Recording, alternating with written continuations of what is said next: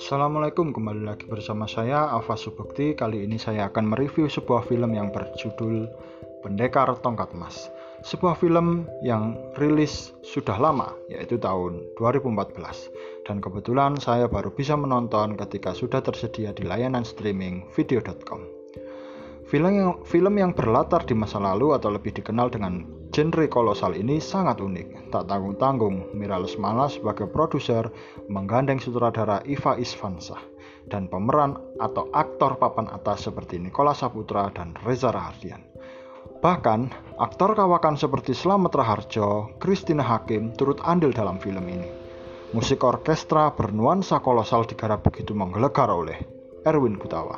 Tak ketinggalan, original soundtrack dengan lagu berjudul Fly My Eagle yang liriknya ditulis oleh Mira Lesmana serta musiknya oleh Gita Kutawa serta diaransemen oleh Erwin Kutawa terasa mewah sekali. Suara rock khas Anggun juga cukup enak untuk didengar. Dengan sokongan dana 25 miliar membuat film ini terasa wajar jika dilihat dari sisi produksinya. Dan yang sangat mengagumkan adalah lokasinya. Begitu mewah dan indah sekali. Sumba memang luar biasa. Film ini diawali dengan narasi dari seorang cempaka yang diperankan oleh Christina Hakim tentang makna dunia persilatan dengan skin dengan scene yang cukup menjelaskan bahwa cempaka adalah pendekar sakti, pemegang tongkat emas yang cukup dihormati. Cempaka memiliki empat murid.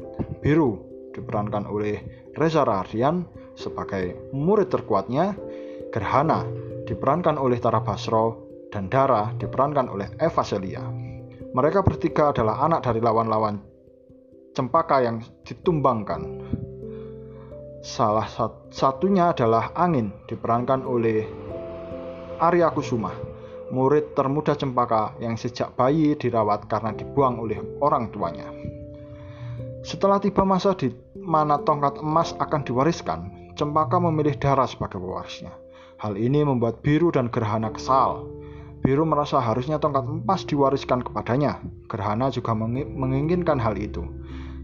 Kejadian ini membuat Biru dendam hingga suatu ketika dalam perjalanan untuk melatih Dara menguasai jurus tongkat emas, Cempaka dibunuh oleh Biru dan Gerhana.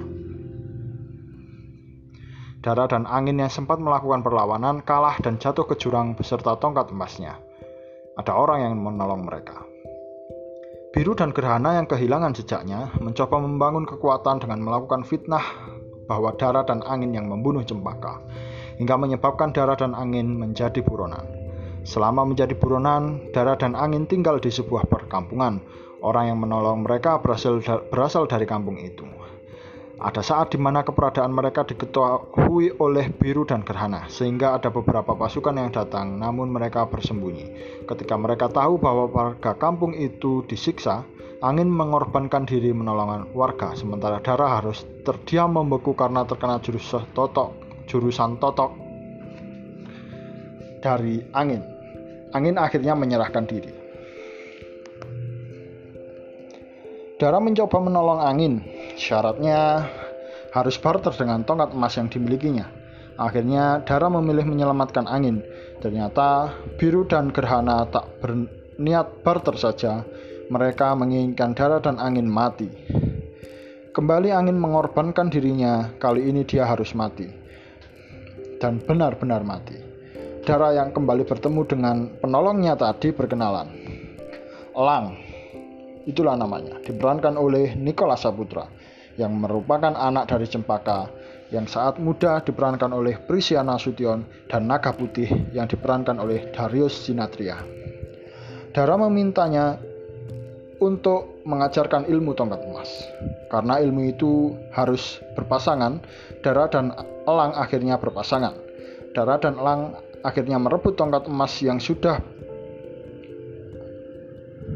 digenggam oleh Biru melalui sebuah pertarungan dan biru serta gerhana harus tewas. Film ini sangat menarik. Gambar setiap scene yang ditampilkan sangat menawan. Ditambah lagi dengan nuansa Sumba yang sangat menakjubkan. Pemeran yang memiliki kualitas yang patut dianjungi jempol. Pengenalan karakter yang berlimpah dieksekusi dengan baik. Hanya saja, dialog yang terkesan hafalan tampak terdengar kaku. Terutama Arya Kusuma, Eva Celia, dan Tara Basro. Serta pelafalan beberapa kata yang kadang ada kesalahan saat didengar. Terlepas dari itu semua, film ini layak ditonton karena sangat banyak kalimat-kalimat yang bermakna dan memiliki pesan. Demikianlah review film kali ini. Jangan lupa saksikan filmnya. Semoga bermanfaat. Sekian dan wassalamualaikum.